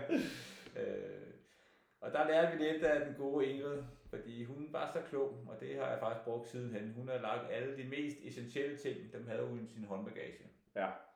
Mm. Der, der Helt lå rigtigt, de ja. vigtigste ting. Der lå kompasset, og der lå øh, ja, drikkedunken og energitingene. De ting, man ikke lige skaffer, når du står nede i øh, Abu Dhabi. Det mest essentielle underbukser og cykelbukser, som man ikke kan bruge fra nogle andre, ikke? Yes. Så det var drengene, der var lidt presset, så vi var nede i lokalturen. Men det kom så lige øh, tre timer før start, så der var lidt panik før åbningstid. Men ja, det klarer man selvfølgelig også. Kan vi sende den ud i æderen af ejeren af løberen? Han løber i hvide tennissokker, og ikke de dyre Salomon løbesokker. Det kan vi sagtens. der er mange, mange ting. Ja. Øhm, Og drak det lokale saftevand og ikke det der high du har jo sideløbende med alle de her adventure race ligesom bygget løberen op. Og hvad har I? Fem butikker i Danmark, eller seks butikker, eller sådan noget, og du har været ansvarlig for den sjællandske del, ikke? Eller hvordan? Historien er egentlig, at jeg læste på øh, Handelshøjskolen, CBS, nu om dagen, der læste jeg sådan noget, der hedder HA Jur. Øh, og sideløbende med det, så er min øh, gamle gymnasiekammerat Morten, som jeg snakkede om tidligere, han øh, sejlede en masse kano og kajak og blev ret hurtigt vild med at sejle fos. Ja. Og han havde brug for noget grej, som ikke lige kunne købe i Danmark på det tidspunkt. Så han inviterede med til sådan en messe nede i München, der hedder ISPO, som stadig Ja. eksisterer verdens Ja, ja, største sportsmesse. Klar, skal vi ikke lige køre derned, og så, så han skulle bruge noget kano og kajakudstyr, og det skal vi da. Ja. Så vi opretter vores lille firma, Ja. ja. Friluft Import, tror jeg, vi kaldte det. Ja. Så kører vi dernede den gamle Harris, og bruger selvfølgelig bare den, men binder lige slipset, inden vi går ind på den her messe, og ser meget, øh, vi er en 3-24 år. Og så efter vi har købt de der kanoer, eller fået en aftale om, at vi kan importere dem til Danmark, så falder tilfældigvis i snak med Karhu, som er et finsk løbeskudsmærke, Ja. som jeg selv havde løbet i, da jeg var helt ung. Ja. Øh, og de har ikke rigtig nogen, øh, der importerer sko i Danmark, og på en eller anden måde, så var vi øh, overvist dem om, at vi skal være dem, der sælger Karhu løbesko i Danmark. Ja. Og vi starter med at sælge dem rundt omkring i de butikker, vi nu kan få til at købe dem i kommission selvfølgelig, så butikkerne har dem, og så afregner vi, hvis der bliver solgt noget. Ja. Øh, men så tænker jeg, "Ah, det der, det kan vi sgu godt gøre bedre selv. Så da jeg er færdig med min bachelor, der, så tænker jeg, så snakker vi Morten om, hvis vi skal skulle lave en, øh, vores egen lille butik. Så skal vi sælge Caro løbesko, for det er skide smart, så har vi dobbelt avance for dem selvfølgelig. Ja. Både importerer og sælger det. er det. smart. Det er det samme, Øh. Frillerfland har gjort. Det har de nemlig gjort rigtig godt. Og vi så så kontakt til alle de her leverandører. Øh, og Nike, de er jo sådan en lorenvælde, så vi får ikke Nike ind til at starte. Men vi får overbevist Asics og New Line og New Balance, Adidas, nogle af de der lidt større brands også, at det er fint nok, at de vil gerne tælle til os. Men det bliver så på betingelse af, at de her Carho løbesko, de skal ikke være i butikken. Så der, der står vi simpelthen sådan strategisk værd. okay, så ryger Carho, så satser vi på, at vi er dygtigere til at drive butik, end det er til at være importør på Carho løbesko, som var et øh, lille finsk mærke. Der er lidt karteldannelse, hvis de rotter sig sammen, eller hvad? Ja, det er det der med, at leverandørerne kunne godt se, at hvis vi havde deres produkter inde, så ville vi Ja. selvfølgelig hellere prøve at få kunderne over i en Carho løbesko. Ja. Ja, jamen, det er jo fair nok. Det, det er faktisk fair nok. Øh, og det er jo fint, at det bliver sådan, fordi løberens strategi, det er, at det skal være den rigtige sko, der skal sælges til kunden. Om det så er en Carho eller en Adidas eller en øh, Nike, det er jo ligesom ligegyldigt for os. Vi får startet vores lille butik på 42 kvadratmeter. Vi kommer lige ud af, af skolen og er vant til at få SU, og den der frihed, som øh, har gjort, at kunne løbe Adventure Race, det var jo ligesom en del af det. Fordi hvis jeg havde fået et almindeligt job efter at have gået på Handelshøjskolen, så havde jeg nok ikke været de her eventyr igen. Det var sådan, passer du butikken morgen, eller passer jeg butikken? Det var ligesom, han skulle ud og padle sine øh, padleture, han var i Canada, og han var mange steder at padle. Og så kunne vi ligesom sådan skiftes lidt til at have, Fri. have, have fri til at lave vores... øh, Og der var kæmpe stor respekt for, at det var en del af vores koncept. Det var, at vi skulle drive, have vores butik, men vi skulle også have vores frihed til at lave vores eventyr. Men det var nemlig det, jeg godt kunne tænke mig også lige at høre noget om, om du ligesom fra at have kørt Adventure Race og været med på et hold og holddynamik og sådan noget, om du har trukket noget derover i at drive en, øh, en, øh, en butik, hvor der også ligesom kommer unge knægte ind fra uløb og ligesom løber, og der også ligesom skal prioritere det her med at, at være atlet, men også samtidig ligesom at arbejde i en butik og få hele det her samarbejde til at fungere, for nu er I jo vokset, og nu er det jo en helt stor familie nærmest, ikke? Altså, nu siger jeg familie og ikke kollegaer. Kan du sige lidt sådan om det? Øh... Ja, men venturevæsen har jo helt sikkert været en vigtig del af den kultur, som vi har i, i vores firma, øh, hvor vi elsker at lave sport med hinanden. Altså det, det er ligesom en, en øh, faktor, der er vigtig for os. Det er jo folk, de brænder for at lave løb, som er vores øh, ja, kerneområde, kan man sige, og det er det eneste, vi sælger. Det er ret bevidst. Vi kunne også godt sælge mountainbike og rulleski og klatregrej, men, men øh, vi, vi har strategisk valgt at sige, det, det er ligesom løb, vi står sammen om, for så kan vi samle alle. Ja. Øhm, og så de her kriser og det der med at være en, en organisation, som arbejder sammen. Der, der har jeg brugt øh, min adventure-erfaring meget, bilder mig selv ind. Ligesom vi, øh, vi takler kriserne, vi snakker om tingene, vi er svageste mand øh, er vigtigt, vi var med på vognen, og vi ligesom passer på hinanden. Som, som mm. Det er ikke, ikke kun en maskine, vi er ansat. Så vi, vi, vi laver rigtig mange sociale ting sammen. Vi sidder jo herinde på øh, Claus' kontor. Jeg ved ikke, om du deler. Der er flere computere. Du må dele det med nogle andre, men nu har han i dagens anledning lagt kort ud over hele gulvet og øh, hele skrivebordet. Øh, Patagonia Expedition Race. Ikke fordi det er meget anderledes, men jeg tænkte, det er jo også en, en spændende egentlig at, at runde. Ja, det, det er en oplevelse på, på niveau med Vietnam. Det er jo sådan et sted, man ikke øh, lige kommer til daglig. Man kommer jo tit i Alperne, man kommer desværre Norge, men Vietnam Patagonia, det er jo sådan to unikke øh, race. Grønland, Ja. som jeg aldrig kommer til at glemme. Og Patagonia var lidt specielt, fordi øh, da vi var derude, der fandtes ikke rigtig kort. Så vi sidder til den der race briefing, og så kommer øh, løbslederen med de her kort, som er sådan nogle, øh, vi har liggende her. ja. Det er sådan noget øh, og det er nogle luftfotos, sikkert nogle Google luftfotos, printet med sådan en blækprinter, ja. med 100 meter ekvidistance på højdekurvene, øh, og terrænet ude i Patagonien, det er, det er rough. Det, det, er, det er skove, som øh, der ikke er nogen stier i. Mm. Det er, det, det, det, det er vild natur. Så vi får udleveret de der kort, så sidder vi og, og tykker lidt på det og tænker, hvordan fanden skal vi øh, finde rundt i det? Det er Jeanette også med, ikke? Der er, der, er- der er Jeanette også med. Ja. Og der, er- der, er- der er et stort internationalt felt derude. Ja. Med, jeg tror, det er de svenske øh, gutter, der vinder det. Ja. Nej, det er, det er nogle amerikanere, der vinder det. Måske, ja. Ja, det, det er også lige meget. Ja. Skudt i gang, og vi starter med sådan en, øh, jeg tror det er 60 km paddeletappe, hvor vi bare øh, sejler ud over åben hav. Magellanstrædet. Ja, det, det kom lidt senere. Nå, det er senere Magellanstrædet henover, ja, ja. Og det er på et kompas. Det er sådan et øh, søkompas. Ja, Og man håber, der ikke er for meget øh, strøm og drift, og sådan, så man rammer det der checkpoint 60 km ud, og efter når man sejler 10-10 km, så kan man hverken se land den ene eller den anden vej. nej. Og så er det bare at holde humøret højt, og så øh, sætte den ene paddel i, og så den anden, og så det fremad. Ja. Øh, og så er der noget cykling, og der er rigtig meget tracking, og tracking derude, altså når du cykler, så er der selvfølgelig normalt en vej, eller noget, der minder om vej, man kan køre på. Poststier Ja, eller- et eller andet. Men tracking-etapperne, de, de, var- de var vilde. Det var bare totalt bush med væltede træer og klipper og vandløb og på de her kort, som var stort set for mig som orientering, det var ulæselige. Mm. Så derude, der var roadbooken og trackernoten, der ligesom skulle øh, hjælpe os igennem. Mm. Og så var der historien om det der Magellan-stræde, hvor at, øh, det er ry for at blæse rigtig meget. Ja. Og øh, hvornår var det, man skulle passere det der? Hvornår var det, det var forsvarligt at sejle over der? Øh, og specielt Tanette, hun var lidt presset, for alle de der skræmme historier, man hører om det her stræde, der, det, det sad dybt i hende. ja. Så vi skulle sådan lige overbevise om, at det, det gik sgu nok, og da vi sejlede over, der var ikke rigtig noget.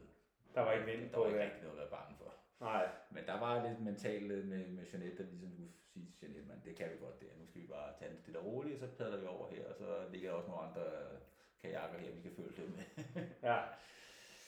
Så det, det, var, det var et, øh, et meget spektakulært løb, men et løb, hvor vi havde besluttet, at vi skulle, øh, efter det Vietnam-eventyr, vi skulle virkelig passe på hinanden. Så der var, der, der var, vi, vi skyndte os ikke ret meget derude. Der, der, der kørte vi en rimelig safe og kom øh, igennem på en rigtig fin måde, hvor alle var glade hele vejen rundt. Spændende, spændende, spændende. Jeg tror faktisk, øh, det var lige sådan en sidespring her til, til sidst. Er der noget, hvor du ligesom tænker, der er nogle oplevelser eller nogle race, hvor du ligesom, det, det, det har ændret lidt? Det er jo allerede, at du fra I starter i Vietnam til Kirgisistan, og nu du snakker om Patagonien i ændrer strategien og måden at køre race på, ligesom bliver lidt mere øh, safe, end at bare jern dig ud af, som du siger, I gør i Vietnam allerede.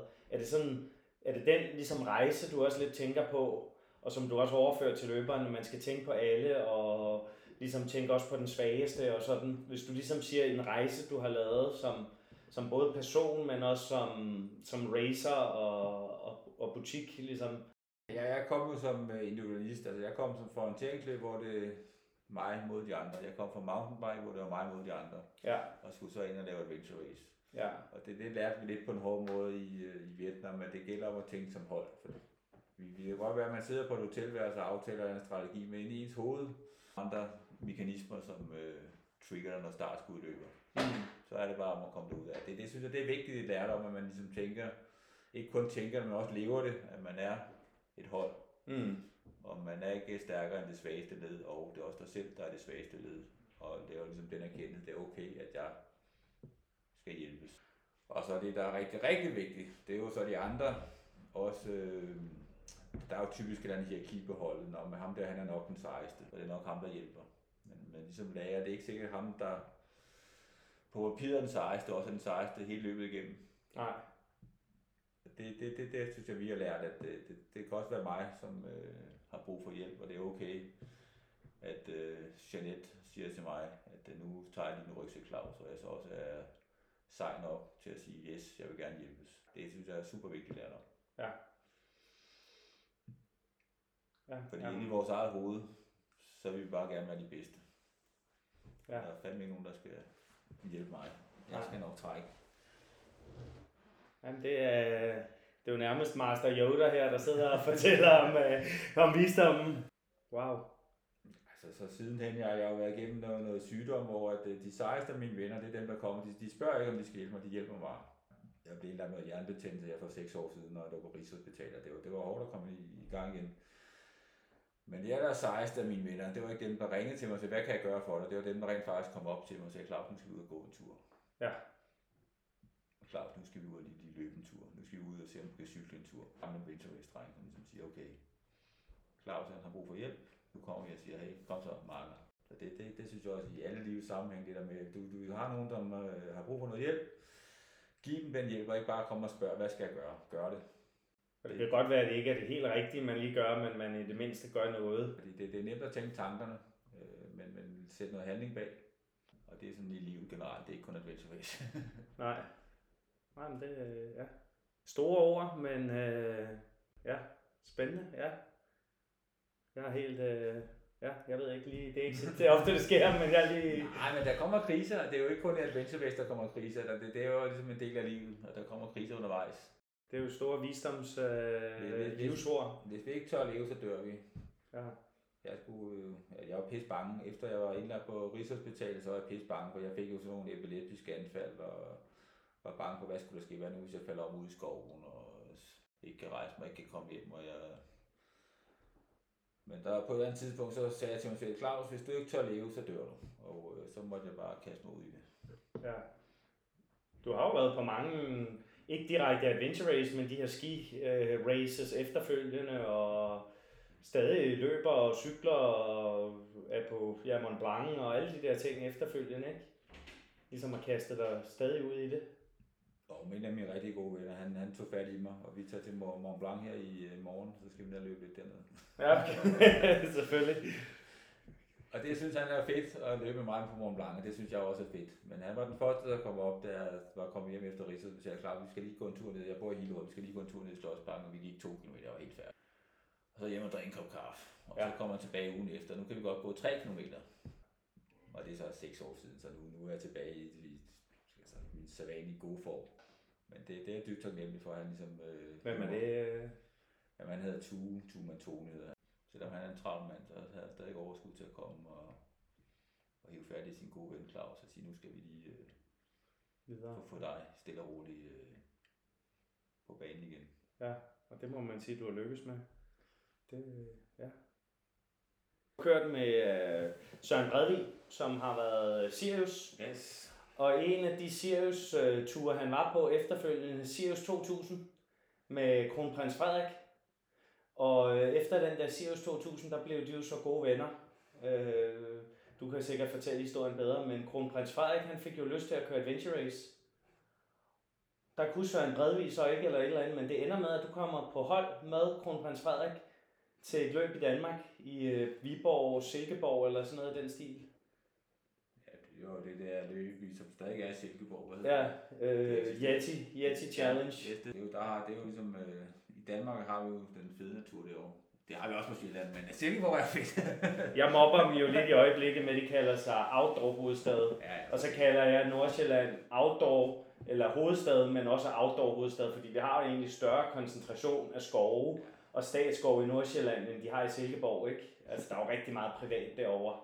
Ja, Øh, vi Der er mange skove, men det meste af det er jo privat og Yes. lagt ud til jagt. Yes. Hvorimod i hele Nordsjælland, Der kan vi jamen, bare køre. der kan vi bare køre, og vi kan bare lave orienteringsløb, og vi kan, der er jo flere kort herover Ja. end de har i, i Jylland, fordi det er jo grisefarme og minkfarme og jagt, og der bliver skudt til højre og venstre og så videre, ikke? Ja. Øhm, Jamen, jeg er glad for at bo i Hillerød. Der er det et fint sted at bo, ja. hvis man ikke kan bo i Chamonix.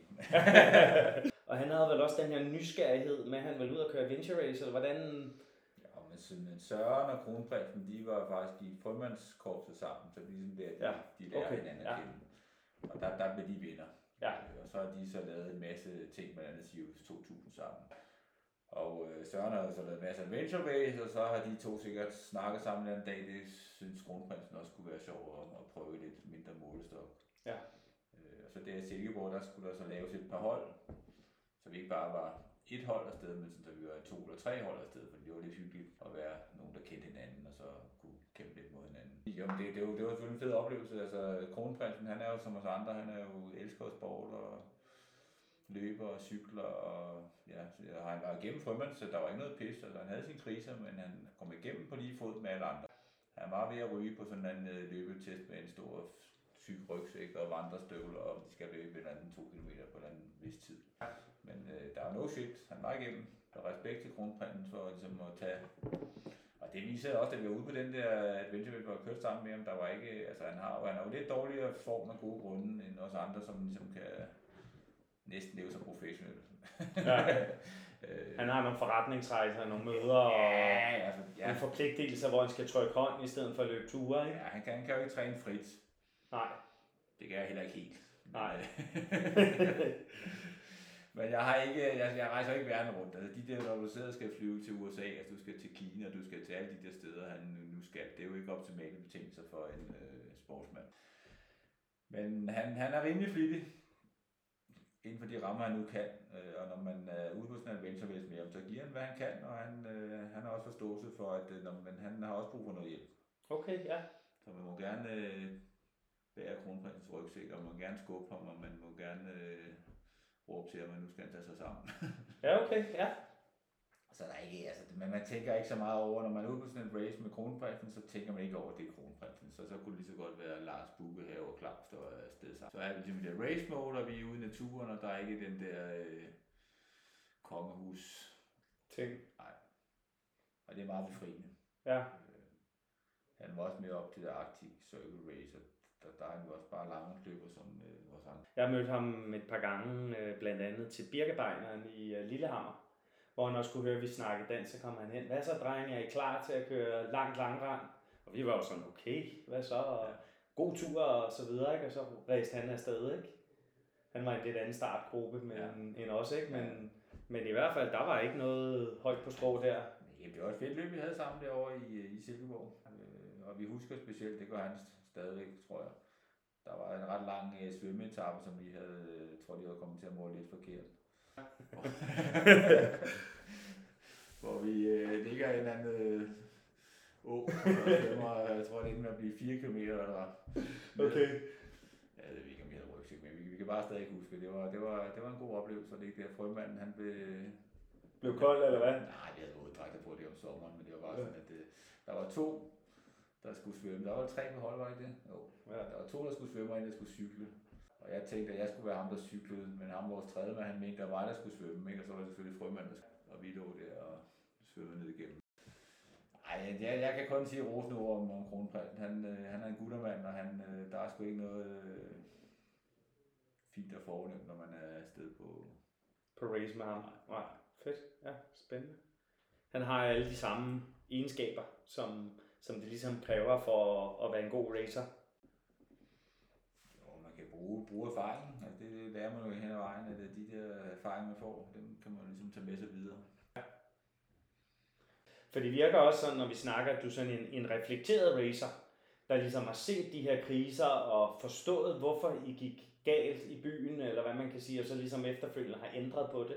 For det har jeg også oplevet folk, der ikke ligesom, når vi udgik, eller vi kom ikke igennem, og det var pisse irriterende, men du har ligesom formået, synes jeg, virker det til at, at se det, se igennem linjerne for, hvad kunne det her, hvorfor skete det her, ikke? Eller Tænker du over det, eller prøver du sådan at reflektere over det, eller kommer det meget Nej, naturligt det har jeg meget over. Så hele den der øh, holddynamik i Vietnam, den har jeg tænkt meget over. Hvordan vi kan gøre det bedre fremadrettet, hvordan vi kan blive bedre som hold, og ikke være fem individualister, som tilfældigvis skal gennemføre en rute.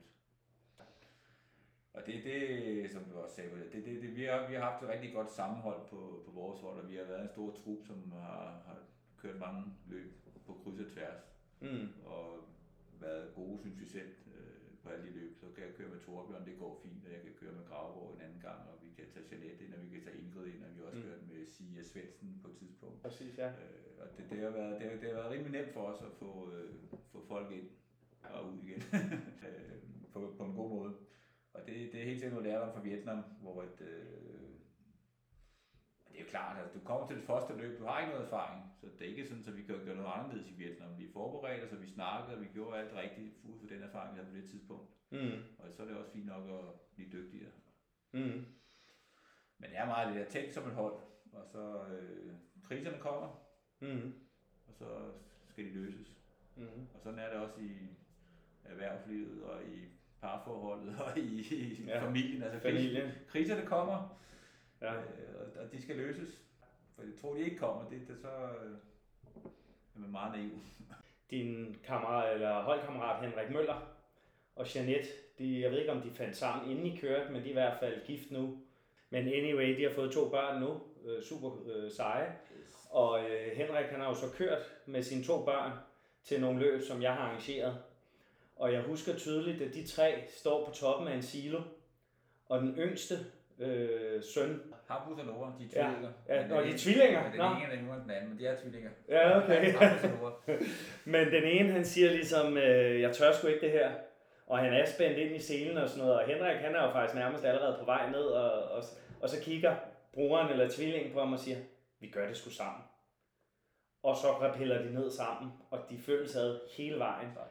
Det er så sejt, og jeg får helt gåsehud af at tænke på de her to otteårige knægte, der kigger på hinanden, og faren han er væk, ikke? Og, og så siger de, vi gør det sgu sammen, ikke? Sejt. Og det er jo, jamen, det er jo rørende, at næste generation ligesom er i gang, ikke? Og de er ude for nogle, altså det er jo en lille silo nede på Møen, ikke? Øh, eller nej, det var på, i Faxe, ikke? Men alligevel er det jo en, når du står deroppe, det er jo, uha, jeg stod uden sele deroppe, ikke? Jeg var der, uha, det kildede der lige i maven. Øh, men, men det her næste generation, at de allerede får det her ind med modersmælken, ikke? At de er et team, øh, det er, ja, det er rørende. Ja, det er to seje gutter. Ja, Og det er jo selvfølgelig typisk Henrik, han er heller ikke så glad for holdet, jo, så det er, han, han skulle sikkert lige have det overstået, ikke? så kan drengen klare sig selv. Henrik, lige. lige tage dig sammen, det, er en uofficiel hemmelighed. Henrik har aldrig rigtig været glad for de der Højder. og det, det skulle helst overstås. hurtigt Ja, okay, ja. Men det er godt, drengene, de så kan lære farmanden, at øh, det gør vi sammen. Spændende, Claus. Øh, jeg tænker også, at vi øh, lige ved... Jamen, vi har allerede snakket lang tid, så småt vi kan blive ved med at snakke, og der er jo masser af visdomsord. Claus han peger over på en kasse, der er fyldt med kort og VHS-videobånd. Øh, jamen, jeg tænker at vi kan prøve at tage nogle øh, fotos af nogle af kortene og lægge dem op på nettet i øh, sammenhæng med, øh, med den her podcast. Er der nogle kort, du lige vil snakke om, eller et eller andet? Vi skal jo næsten have Patagonen kortet med, ikke? Med skyen, der ligesom, øh, ligger henover. Ja. Og der har vi Grønland. Der er vi med. Det er Flemming Nørgaard simpelthen, der har fået lavet de kort der, eller hvad? Flemming, der har lavet dem. Han er jo, om ikke andet, kort, er han ikke kortkonsulent, og den, der er ansvarlig for alle orienteringskort i Danmark, eller? Ja, nej, det har han i hvert fald været. Ja, det er Silak, ja. Der er Silak. Ja, ja. Det er jo fedt. Midivagat gletsjeren. Det er fede, det er fede kort. Det var, ja. Det var 19, øh, 18, 18 år siden, eller sådan noget. ja, Men det er jo frisk erindring. Ja, det er lidt meget friske vand. Og det er Weekend Racer. Yes. Claus, Henrik, Jeanette, Henrik, Jeanette Klatring, eller nej, hvad? Det, det, er, ja. det er padling. Så vi Ja. starter med en øh, løbetur. Ja, Claus, så står der. Claus, Claus, så er det Amigo. Når det er Ja. Claus med K, så er det Amigo. Okay. Så vi starter med et eller andet. Ja, 15 km med 1500 højdemeter, ikke? Og så noget mountainbike, og så... det er faktisk, øh, det har vi slet ikke snakket om her, fordi der må du skifte ud. Yes. Jeg hørte en podcast med en svensker, øh, en af topsvenskerne også derovre, øh, der ligesom snakkede også om de første løb, hvor man måtte skifte ud, hvor han sagde, at det var faktisk egentlig hårdere, og det var ikke så meget team, fordi at du kunne køre en mand fuldstændig død, og så smed du ham på bænken, og så var den næste. Så man passede ikke så meget på sit hold på samme måde, fordi at hvis den en på holdet ikke var kørt fuldstændig i sænk, så kørte man faktisk for langsomt. Fordi man kunne bare smide ham på bænken på næste etape, og så hævde man en ny ind. Ja, man var ligesom fire, og kun tre skulle køre hele tiden, ikke? Eller hvad? Der, der er meget strategi i det der. Ja. Øh, Hvem er det, du sætter ind, hvornår, hvornår er det, du, du holder pause? Og der var noget med, altså damerne skulle være med. Mm. Du kan ikke bare sætte hende af hver gang. Ja, Jeanette er med helt. Nej, det hun- Jeanette ikke med. Hvornår er det, hun skal have, have pausen, og hvad er det så Ja. nogle drenge, der skal køre med hende? Så det, det var noget, der blev tænkt rigtig meget over. Hvem der kørte hvilke etapper. Det er ligesom en ekstra dimension. Det var ikke sådan bare hele holdet, der skulle igennem. Der var sådan en dimension i, hvad er det for nogle, et hold, vi har på de enkelte etapper. Og man kunne ikke bare lave om undervejs, fordi Jeanette, som var pige i det tilfælde, hun skulle have x antal. Det, det er jo... Jeg kan ikke huske, hvordan det er, men der, der, Nej, der var nogle regler der. Og det giver god mening. Ja. Var det et fedt koncept, synes du, eller var det lidt det samme, synes du, eller hvad? Ja, jeg synes, det var super fedt, fordi det Ja. ja. var sådan en meget højintens løb, kan man sige. Og så fik du noget pause, og så hvis du ikke havde kørt dig selv lidt i hegnet, det er det, jeg desværre oplevede med mig selv i øh, Andorra, det var, at jeg fik kørt mig selv helt i hegnet, fordi jeg skulle, øh, jeg fik jo pause på næste etape, så jeg fik øh, brugt alt for meget energi på at trække. fordi det var de der regler, det, eller Var det Gletschervandring også, eller hvad, i Andorra, eller? Uh, nej, det var der ikke, men der er sygt mange øh, Højdemeter, ja, ja, højdemeter i, i Andorra. Øhm, og på, specielt på cykel, jamen, så får du lige en strop bag til typisk, hvor det er pigen, ikke? og så skal jeg Ja. ja. nok øh, træde nogle watt over den bakke ud og løbe en lang etape bagefter, og så har jeg pause. Ja. Men jeg nåede bare at få kørt mig selv i hegnet, så jeg fik den her dårlige mave, og så selvom jeg havde den her pause, så var den her lille, sådan en lille kano, det var ikke i Andorra der, men det var ligesom Nej. en lille kano på en halv time måske, Mm. og så skal man i gang igen, og hvis man så ikke er frisk der, så står man lidt med hovedet på okay. og dem kunne man godt lytte sig tilbage til. At, øh, Er de kommet tilbage, eller ja, fordi det var sådan nogle øh, små call med masser af skifter. Det der er lidt, kan blive lidt kedeligt på de lange løb, det er om så skal du gå 200 km, det kan jo så tage 10 timer, ikke? Eller mere. Ja, ja, To dage. Ja, to dage.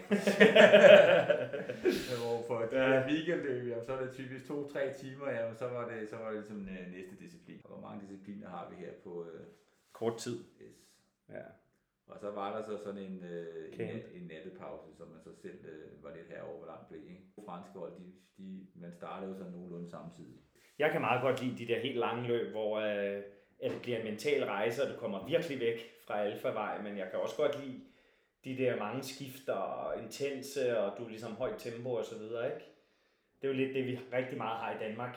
I hvert fald nu, de danske løb, der er rigtig mange skifter, og intenst, og 6 timer, og alt sådan noget Og der, det, det kræver også det der, at du har styr på dit lort, altså du har styr på dit Mm. grej. Når nu skifter vi fra vandring til cykling, og så skal vi ud og padle kajak, og så skal vi padle fos, og så skal vi rappelle, ikke? og så skal vi cykle igen, og så skal vi vandre og padle og rulle skøjter. Så du skal hele tiden have styr på, øh, Alt udstyr. hvad er det for noget udstyr, jeg skal bruge. Og det var meget smart ved de der, fordi den, der ikke racede, skulle så ligesom stå klar med udstyret til næste etape. Så det var ikke sådan, at man havde fri, når man øh, havde overset chancen.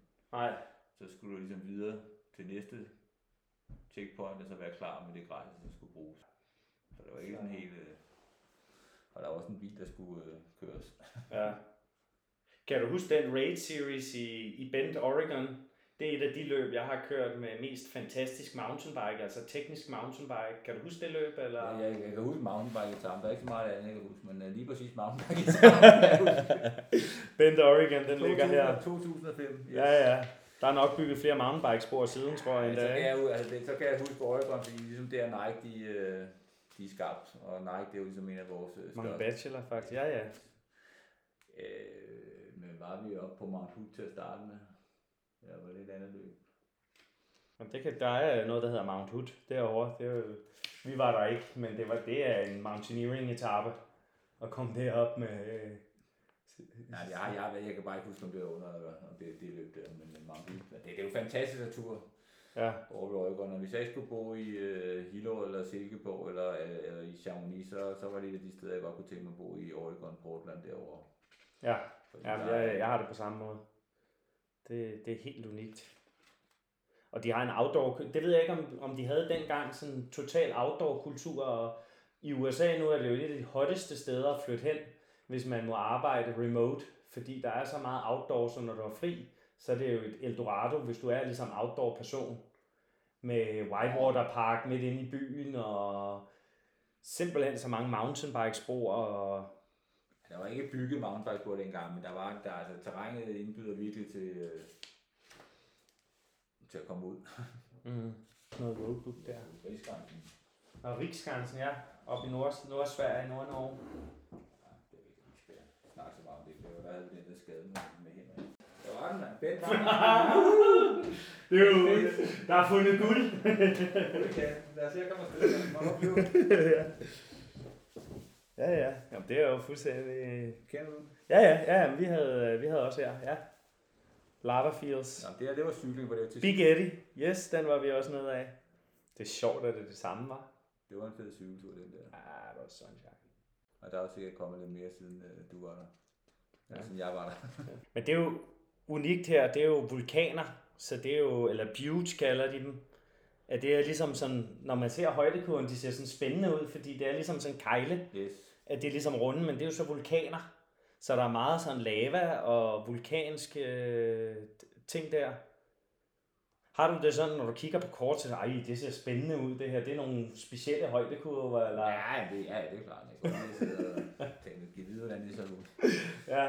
Kan du forestille dig, når du ser sådan kort, hvordan det vil være i virkeligheden, eller bliver man sådan overrasket, eller sådan, Ej, jeg har jo en vis idé om det, efter at på kort i, øh, i nogle år. Hvad er det mest unikke kort, eller mest unikke orientering, du ligesom har, har lavet i tidens løb? Uh, det er Gimobladet i 1986, øh, en nativ meter, hvor jeg stadig har lavet det største på. Ja. Nå, men tak for det, Claus. Jeg synes, at vi kan blive ved med at snakke, men du skal videre i, øh, i dagens tekst også, og øh, tak for din tid. Det har været super fedt, synes jeg, og jeg tager da helt klart en masse øh, visdomsord med fra det her, øh, og en masse røverhistorier, og ja, super fedt. Mange spændende kort. Det er,